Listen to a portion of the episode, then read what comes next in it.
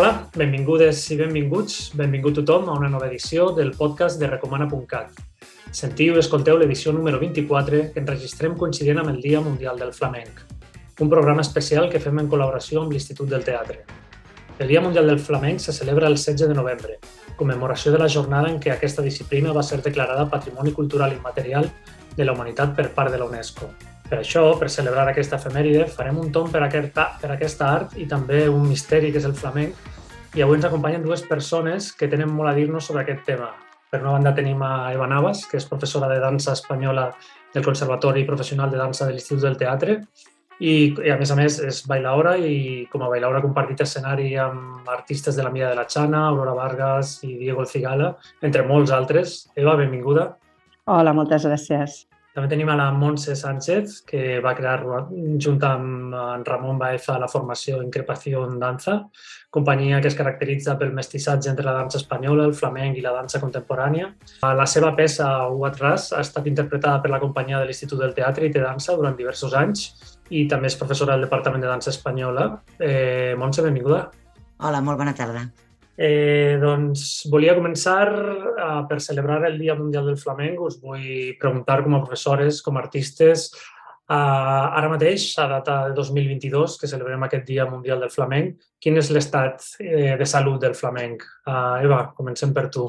Va, eh, déu-n'hi-do la pregunta, no? um, què et diria? El, jo, d'entrada, eh, si em permeteu, jo em referiré com a flamenco, el flamenc, uh -huh. fins a dia d'avui, crec que encara, i si hi ha algun lingüista que em corregeixi, que amb molt de gust aprenem sempre, es refereix a l'animal, a l'au, no? Aleshores, eh, bueno, ens, ens referirem, em referiré com al flamenco. Eh? El flamenco eh, sempre té, com, com diem en, en l'argot no? de Jaló, un quejío, no? una duquela, una pena. Sempre, sempre es queixa, sempre celebra també, però això vol dir que sempre ha patit d'alguna manera al llarg de, de, de tots els segles d'història que té i, òbviament, en l'actualitat també, com hem patit tots una pandèmia, com hem patit tots doncs, situacions de crisi no? que estem visquent, però també sempre ha sobreviscut passada no, aquella època durada que tothom reconeix en la història no, de, dels cafès cantantes, que potser doncs, ha tingut també molts daltabaixos sempre vinculats amb, amb la història, però ara, com, com tots, crec que ressorgeix, igual que estem tots ressorgint d'aquesta època tan complicada que, que hem sobreviscut i, i com totes les coses d'arrel i, i, i que tenen un fons de veritat, doncs subsisteix, creix, es desenvolupa i va, va, va allargant-se i extenent-se per tot arreu perquè entra a tot, a tot l'univers, no? com a patrimoni, patrimoni material doncs està lligat a tot arreu i per tant jo crec que, que la salut mm, és, és, és bona i recuperant-se. Montse, estàs d'acord? Sí, sí, totalment. Crec que és un moment també que, que la gent, eh, la dansa, el flamenco, també hi ha, molt, hi ha el que dèiem dels bailaors, hi ha treballs molt individuals. La gent aquí potser no hi ha moltes companyies, però sí que hi ha un treball molt d'intèrprets, molta búsqueda individual, que això ho permet també el flamenc, perquè hi ha espais com per fer-ho. Però sí, sí, crec que està en un bon moment i també crec que ens estem apropant a les generacions més joves també, que nosaltres ens quedàvem una mica més com una cosa llunyana a la nostra societat, però crec que ara està arribant i estem, els hi estem agradant. Eh, es pot acotar el flamenc, el flamenco, com, com ho? Jo, jo em pujaré a flamenco, eh, també. uh, es pot acotar el flamenco? Hi ha un... Parlem sempre de, de, de, de, de, a nivell musical, a nivell per descomptat de, de dansa. Uh, hi ha, pot haver una definició de flamenco dintre de la dansa espanyola? Vosaltres us atreviríeu a fer-ne alguna? Eh, és agosarat, eh? A veure, hi ha, hi ha per mi dos, dos aspectes d'aquesta pregunta que llences. No? Per una banda, el que has dit com, com una de les parts de, del que es coneix com a dansa espanyola. No? Evidentment, el flamenco és una branca més de, de, que composa el que és la, la dansa espanyola, no? la qual tindríem també el folklore, tindríem l'escola bolera i tindríem com a, com a eh, expressió més moderna, dintre d'aquella també té, té uns anys, però eh, la dansa estilitzada, i el flamenco, no? Són les quatre, les quatre grans pilars que composen la, la dansa espanyola. Ara, el flamenco per se és, bueno, és un art amb majúscules, no? que, que aglutina un amplíssim espectre d'expressions artístiques, entre les quals, com bé dius, hi ha la veu, el cante, amb tota la riquesa i varietat que té dels palos, que aquests a la vegada representen un ventall d'emocions, de sentiments, la guitarra també amb tota la varietat sonora que té, amb unes tècniques molt específiques no? que, que els músics clàssics sovint, doncs, òbviament, desconeixen o que no dominen. I eh, per, no? com a tercer element i no per, per, per això menys important el baile, no? que, que també a la, a la vegada doncs, amalgama força expressivitat, la percussió, el virtuosisme tècnic, en fi, i tot això, doncs, a més a més, hi afegim a, a aquesta olla no? doncs, eh, la poesia, la filosofia de les lletres no? que, que, que té. Bueno, és un art que constitueix a la vegada la forma d'expressió de tot un poble diguéssim que potser antigament, segles enrere, sí que ho, no, ho s'identificava amb aquest poble gitano i que a dia d'avui, doncs, per mi, des del meu punt de vista, eh, és ja una forma d'expressió i de vida de qualsevol que s'hi submergeixi i que, i que, que visqui i que, i que convisqui amb, amb, amb tota aquesta gran riquesa i varietat. Ah, us volia preguntar també, eh, que ho llanço, llanço tu, Montse, la sí. situació del flamenc a Catalunya. No? Uh, uh, parlàvem abans d'això, que entre, bueno, la Eva ens, ens explicava que el flamenc potser ja no és només un, un, un, una expressió pròpia del poble gitano o d'una part concreta de la, de la península, sinó que és una expressió que s'ha que bueno, que estès i, de fet, Catalunya ha estat clàssicament un pol, un pol de, de, de, de, bueno, de un, un caldo de cultiu de l'expressió del flamenc. Quina és la situació del flamenc a Catalunya ara mateix? No és el que et deia abans, jo crec que és una bona situació, que hi ha molta gent, a més aquí a Barcelona no ens oblidem que ha sigut la cuna del flamenc, hi ha hagut sempre molt de flamenc, i ara potser està com més arribant, el que, és una mica el que et deia abans, està arribant una mica més a un volum de gent més de generacions joves que també l'entenen, potser abans ens quedava com una cosa llunyana, rància, i ara jo crec que ens arriba molt més, molt més amb una música, amb una dansa molt més actual.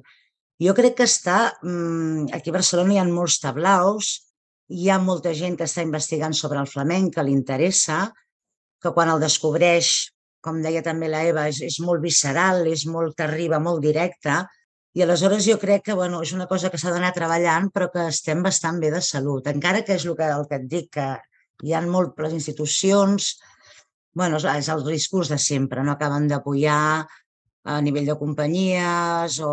però de totes maneres, clar, les xarxes també són enganyoses, però veig que la gent individualment o es van ajuntant, hi ha, hi ha, hi ha activitats, hi ha coses.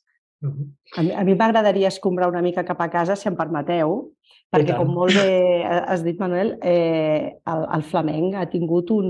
Bueno, a Catalunya doncs, un desenvolupament, ha estat un dels centres neuràlgics del seu desenvolupament, eh, amb, amb noms propis que han creat història, ja no, no només de, de l'actualitat, que també hi ha moltíssims noms i, i per exemple, els últims guanyadors dels últims anys del prestigiosíssim concurs de Cante de les Mines, molts d'ells eh, han estat i, i són artistes que o s'han format aquí o són, o són catalans, no? I ara permeteu-me que digui un parell de noms perquè els, els volia visibilitzar, però tenim una Olga Llorente que va guanyar el Desplante Femenino el 2019, eh, formada també a l'Institut del Teatre, a més a més, però òbviament després amb, amb un, un, un seguit de, de grans artistes amb els quals ha treballat.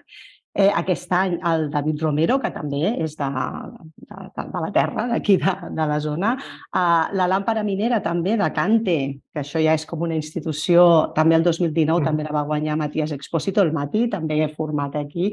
Vull dir que això com a cosa més o menys més actual, hi ha un, un, seguit de noms molt grans, eh, de, de, tant de la guitarra com del cante com del baile, no?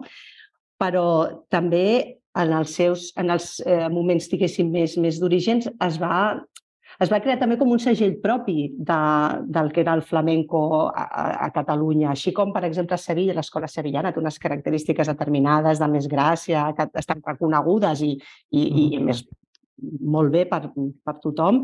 Aquí també es forma, es crea un, una forma també doncs, de tocar, de cantar i de ballar, amb Carmen Amaya, per exemple, no? com a paradigma importantíssim, amb la Xana, que una mica, i això també és collita meva, que de, de reflexió dels anys i de la, prop, de la pròpia manera, també jo també vinc d'aquesta escola, també he treballat en, en aquest sentit, no? doncs d'anar una mica com, com dèiem, amb la Xano parlàvem molt això, no? Diu, és lo que te da la tierra, no? Diu, aquí anem una mica per feina, no? Allò anem pues, al zapateado, al ritme, al, a l'expressió, doncs potser no, no, tan, no, no, no, no tant de guassa, de, de, no?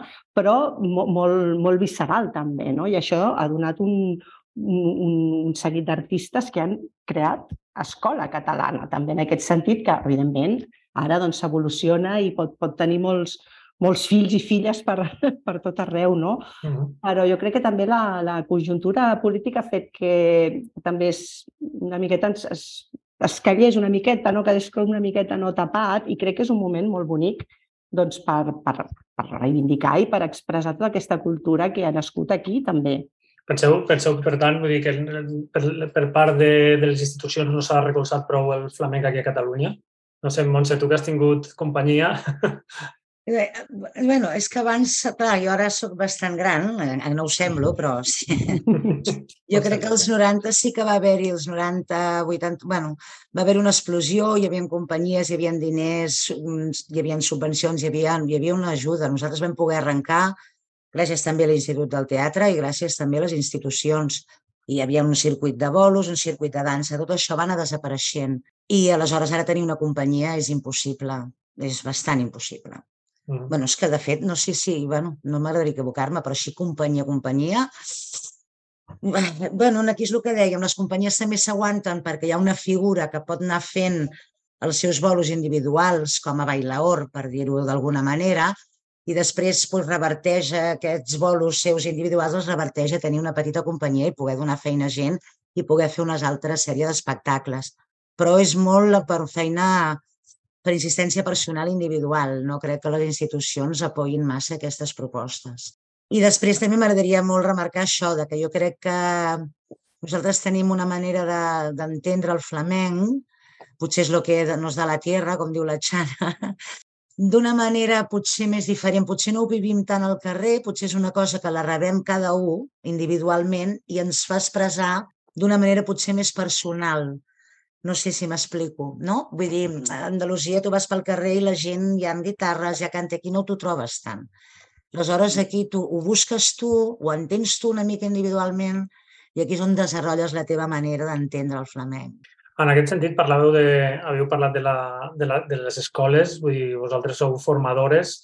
Uh, us arriben les noves generacions, la gent que entra a l'Institut del Teatre a aprendre a dansa espanyola, eh, hi ha interès pel flamenc? S'interessen com, a, com a disciplina com, per les possibles sortides que té? Com, com està a, a nivell formatiu? A veure, aquí hem de potser contextualitzar una miqueta també quin és el, com és el nostre centre, no? com és el Conservatori Professional de Dansa, que som una escola integrada, escola integrada on els alumnes estudien ESO, batxillerat i, a més a més, o integradament amb els estudis de professionals de dansa, eh, hi ha tres disciplines, tres especialitats, la dansa clàssica, la dansa contemporània i la dansa espanyola, que és en la qual nosaltres estem treballant, i dins de la dansa espanyola doncs, hi ha eh, tota, tot un ventall d'assignatures, com explicava a l'inici, no? evidentment, a part de la seva dansa clàssica contemporània, doncs, l'escola bolera, el flamenco, el folklore, la dansa estilitzada, etc. Vol dir que l'alumnat que ve al, que vol entrar al conservatori... Sí, sí, crec que ho he dit, eh? però si no, evidentment, crec que ho he dit a l'inici amb el clàssic, com a, com a les pilars bàsics de formació física, però si no, sí, sí. òbviament. Eh?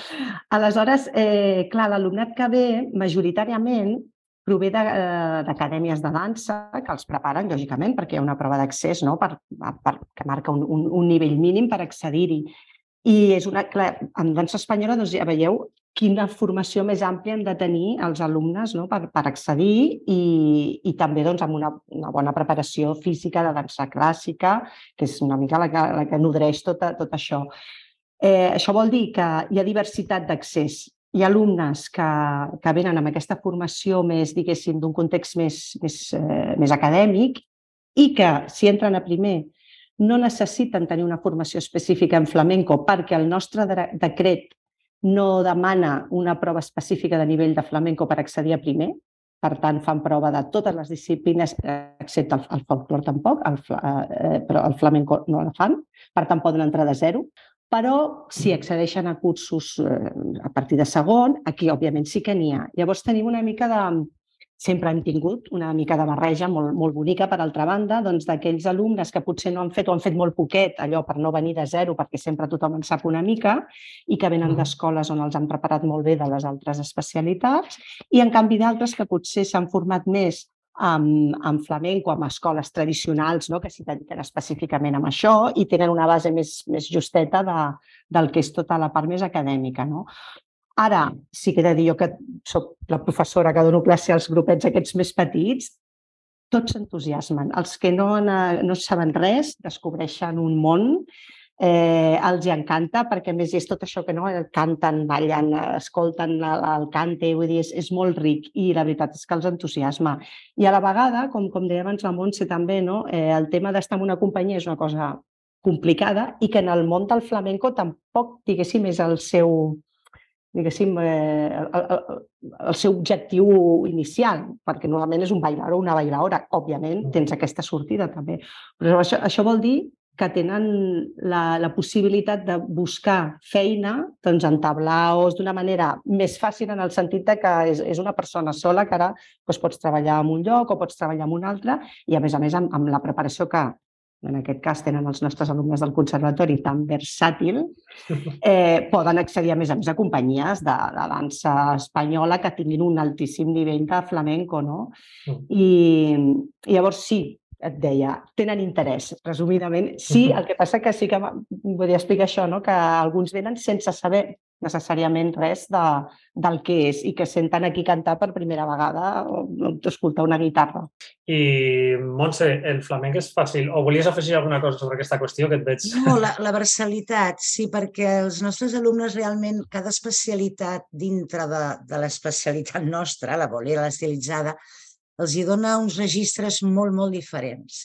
Aleshores, són ballarins que, que surten molt, sense potser ells saber-ho, el sol els ha donat una visió molt com de ballarí en general. Mm. Aleshores, jo ara estic veient també gent que s'ha graduat, que està des d'un tablau flamenco, inclús fent musicals, o sigui, els ha donat tal el coneixement de, com a ballarins que després, bueno, que sí que evidentment el flamenc, si diguéssim, això és, és un món, món a part, no? però que la nostra, el nostre recorregut el nostre recorregut acadèmic ens dona uns alumnes, mm. això, amb molta versatilitat, molta. Un I exemple, un, un exemple que ara m'està venint al cap quan et sento parlar Montse és el Jesús Carmona, per exemple. Exemple. Que és una, una persona... Un Joel, un Joel artista... Vargas, que són gent que el veus mm. a blau i penses que, que és de, de les cuevas de, de més profundes i després et pot ballar una escala bolera que sembla que surti del Bolxoi amb castanyoles. Vull dir, mm. és tota una línia molt, molt llarga que, que ells doncs, bueno, no tothom, però alguns poden ser eh, esplèndids en totes les disciplines. Um, ara com a formadores, uh, el, òbviament el flamenco és una, és una disciplina que requereix un, un ensenyament, però també té un, un component molt de, del, del que es diu popularment com el duende, no? Es pot ensenyar el duende? Eva, no sé si... A veure, és que el duende, què és el duende? No? Comencem per què és el duende, no? Eh, depèn de com ho defineixis, perquè mira, a mi hi ha una, una cosa que, que, que m'agrada molt i que jo amb els anys també no, de, de, de ballar. Mm, jo he tingut la... bueno, amb els anys veig, i, i ja ho he viscut així, la, la, el privilegi de poder estar amb un peu a cada món d'aquests, no? de, de tenir també la, una formació acadèmica, no? a més amb, amb tota la vessant també de pedagogia que m'encanta, i d'haver estat també molts anys treballant eh, flamenco de calle, no? amb els gitanos, amb, aprenent allà a base de, bueno, espavilater, que, que és el que hi ha, no? Sí. I, I això, doncs, et dona una, també una, una visió molt, mm, no, molt bonica de, de dir, a veure, eh, cadascú té la gràcia que té, depèn del que interpretis per duende, si és el ser més graciós o, el, o és el fer alguna cosa amb un, que et cridi l'atenció d'alguna manera determinada. I al final la conclusió a la que, a la que arribo és que quan, quan parlem allò de, de, de, de que és el, el, la puresa del flamenco, la puresa, en realitat, allò que és pur vol dir allò que és que no està manipulat. No té a veure amb que sigui més antic o, o, o, o, més, o no, més, més històric. No, és allò que no està manipulat. Per tant, tot allò que, encara que tu estiguis aprenent, estudiant unes tècniques, que físicament et preparis, si al final tu, com a ballarí, com a artista, en qualsevol disciplina, no, no, no necessàriament només el flamenc, deixes que el teu cor o, o, o, o, o les teves vísceres parlin i s'expressin i surt allò de veritat, de forma pura, eh, això ho té tothom. Pot ser que algú ho tregui un dia, ho tregui menys, ho tregui amb una coseta determinada, potser no sortirà amb un nivell professional, no? Vull dir, això, evidentment, no? hi, ha, hi ha molts matisos, però si un deixa aquestes comportes obertes, que pot ser que algú no les deixi, per tant, és més complicat. Eh, jo crec que, que es pot treure, que es pot treure. Ara, evidentment, hi ha persones que tenen molt més, hi ha d'altres que els hi costa, no? Eh, eh, es retenen més o que mm, són més, no sé, amb una feina més mental, potser, però si surt alguna cosa, ni que sigui petita de veritat, mm, ja, ja, ja, ja, ja és, ja és molt, no? Um... Jo, jo, Perdó. Sí, endavant. Bueno, que sí, que sí. Endavant, Montse, sí. sí. tota, tota la raó, l'Aiva. Però jo crec que el duende és una paraula per dir que comuniques. Sí. O sigui, comuniques. Aleshores, hi ha un ballarí, a lo millor, que no et fa tècnicament massa res, però no saps què té, potser és el duende, no saps què té que, que, que et comunica, t'enamora, t'arriba. Llavors, jo crec que el duende és una mica això, no? Són aquesta cosa que no sé, alguna cosa que tu tens a dins, que, que, que no sé si s'ensenya o la portes, que és això, que et comunica, aquella persona et comunica, té duende. És difícil ensenyar-lo, però també és veritat que també es creix emocionalment i a lo millor hi ha gent que potser no ha tret encara les coses i un dia va i diu soc així, us mostro. Mm. I potser, i sí, mm. ensenyar no sé, eh? No, ensenyar, ensenyar jo jo crec que potser la paraula no és ensenyar, però quan tu estàs immers en un context d'aquesta mena, potser es contagia, no? Es desperta. Es desperta. Sí, sí, perquè primer potser estàs allà, que no et surt un peu i aquesta personeta està encara allà, i quan ja tècnicament pot deixar anar, doncs igual en allà et deixa anar i et comunica tot el que porta dins i a partir d'aquí pues, sortirà el duende. Clar, el que, el que sí penso és que has d'estar amb el context, no? has, has de contaminar-te de, tot, de, de tot aquest ambient perquè, perquè es pugui desenvolupar, perquè si no, igual si aquella persona que el té i el tindrà tota la vida, encara que no ho hagi vist mai, però, com tu dius, no aquelles que podíem dir que ho han d'aprendre, si no estàs amb, amb el context aquest per, per, doncs, per contagiar-te, per mirar, per deixar-te anar, doncs és més difícil, clar, però potser és això, no? despertar-lo. I ja, sense, sense estar acabant el temps, però, però em, em deixo moltes preguntes al, al, al tinter, però sí que us volia fer alguna, que, que plantejar una reflexió sobre el, sobre el flamenc en el futur, uh, sobre avui que estem celebrant el Dia Mundial del Flamenc, com vegem el, el flamenc amb el futur? Hem vist que, que als últims temps hi ha hagut un, potser una renovació amb, amb molts artistes que han, que han treballat des de l'avantguarda, amb fenòmens musicals eh, per a grans públics que han tornat a posar al flamenc o, o, o la influència flamenca al centre de, de les llistes d'èxit. Com veieu el flamenc eh, en el futur? Té, té, té futur el flamenc? Ja, hem, hem, hem, abans hem, hem acordat que estàvem, estàvem renovant-lo però com, com, com es transformarà en un futur? Futur, ni idea, sí. perquè el futur jo crec que la pandèmia ens ha ensenyat que no sabem qui té futur i qui no té. Ara, eh, transformació, jo em feia gràcia perquè bueno, ens, ens has passat una miqueta, no? una, quatre, quatre línies de, del uh -huh. guió de l'entrevista, he vist això que m'ha cridat l'atenció que posava mutacions possibles no? del flamenc i, i, i m'he quedat amb això pensant. Dic, clar, una mutació és, és una alteració de l'ADN. Si tu alteres, canvies i potser ja és una altra cosa que potser ja no és flamenc, no, ja no és flamenco. Això de les etiquetes és una cosa també relativa. Ara, una cosa és alterar, que, que el flamenc és molt ric, evidentment, i casa molt bé amb tots els llenguatges, perquè té tota aquesta riquesa que dèiem, no? que, que, que crida molt l'atenció com a llenguatge, fer-lo servir per desenvolupar i potser mutar amb d'altres estils que tenen o no perquè etiquetar-se, potser no cal. I altra cosa és una transformació que és podríem dir, com més, més, més natural o més evolució, com en el seu moment va fer Camarón, o va fer Paco de Lucía, o va fer Carmen Amaya, que ningú no discuteix que jo continua sent flamenc, però òbviament és, era un flamenc molt diferent al que es venia fent aleshores. Eh, Per tant, eh, evolució l'haurà de tenir en el seu camí, perquè evidentment les tècniques, la manera de tocar, de cantar, canvien moltíssim i en aquest sentit jo crec que continuarà tenint doncs, una... i està bé, espero no? que tingui una evolució natural sense perdre el seu ADN, i paral·lelament doncs, que pugui donar, no? que pugui ser la llavor per, per generar i créixer altres, altres estils o altres disciplines que potser no etiquetarem, però que donen moltíssima riquesa també i, i, i també donen molta feina als, als artistes, que això és molt important també. Molta feina d'adaptació, no? Uh, no Montse, què, què en penses tu del futur del flamenc per anar acabant aquesta sessió? No, bé, jo el que penso és que a vegades, però jo crec que això ja no està passant, feia molta por, hi havia el tema aquest de no tocar el flamenc, que tampoc no, no l'he mai perquè cada, cada estil del flamenc té un lloc. És el que dèiem, hi ha un tablau per fer un, treballar un flamenc amb unes estructures i una cosa més clàssica o més ortodoxa, com es vulgui dir, hi ha un flamenc que el portes en el món del cinema o del teatre, com va fer Gades en el seu moment, mm. que no és flamenc absolutament, però no té res a veure. I ell, per exemple, si se l'hagués d'anomenar, que ara això també de bailairin o bailaor, també s'hauria de començar també a pensar si això existeix. No ho sé, seria un altre debat. Això seria un, un podcast sencer, donaria això. Per això dic que jo crec que el flamenc jo el poso dins de la dansa i l'única cosa és que ho has de fer ben fet si les coses les fas ben fetes, tens un coneixement del flamenc i li dones una volta, no té per què ningú dir que no. I a més això s'ha fet i amb pell pròpia puc dir que sí, perquè amb la companyia nostra era una cosa, o guanyàvem un premi o ens tiraven pedres. I al final un dia el vam guanyar. Vull dir, vull dir que si crec que si tens uns coneixements i tu vols fer una nova proposta, jo crec que sempre està benvinguda. I que més no para, és el que deia l'Eva, que és que no para, la gent ja balla ballen unes tècniques ja impossibles mm. o, o també utilitza noves tecnologies per, no sé, vull dir que jo crec que està molt viu, s'ha d'evolucionar com evoluciona tot i la gent pura del flamenc crec que crec que estaria, estan molt contents en aquest moment.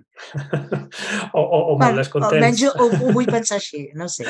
Aquest tema, aquest tema entre la, entre, entre l'ortodoxia i, l'avantguarda donaria també per a un altre podcast, però eh, avui ens quedem, ens quedem sense temps. Uh, us vull agrair a Eva Navas i Montse Sánchez que ens hagueu acompanyat avui per celebrar aquí en el podcast de Recomana el Dia Mundial del Flamenc i, i m'alegra haver estat amb vosaltres i que me, me, me contageu aquesta, aquesta, aquest flamenc tan viu que, que, que se viu des de l'escola i des, de, des del món de la dansa. Moltes gràcies a vosaltres i us convidem a que vingueu a, al nostre centre, al Conservatori, eh, quan vulgueu. A més, el, el Dia del Flamenco tenim també tot un seguit d'activitats per la tarda, que si us voleu acostar, doncs sereu molt benvinguts i benvingudes. No. Tenim una exposició fotogràfica de Carmen Amaya que va, va muntar des de, les pròpies, eh, des de la pròpia escola amb el MAE, entre moltes altres coses. Moltes molt gràcies. Bé. Molt bé, doncs, uh, no sé si t'havies quedat, Montse, que et veig que amb ganes de dir-ho l'última. No, no, que també et vull dir que moltes gràcies, que ha estat una estona molt agradable i que això, que no, no, no us convidem, sinó que heu de venir. Perfecte. doncs uh, fins aquí, moltes gràcies i us esperem a la, a la següent edició del podcast de Recomana, que serà ja l'edició número 25. Uh, gràcies. Gràcies, moltes gràcies. Adéu, gràcies.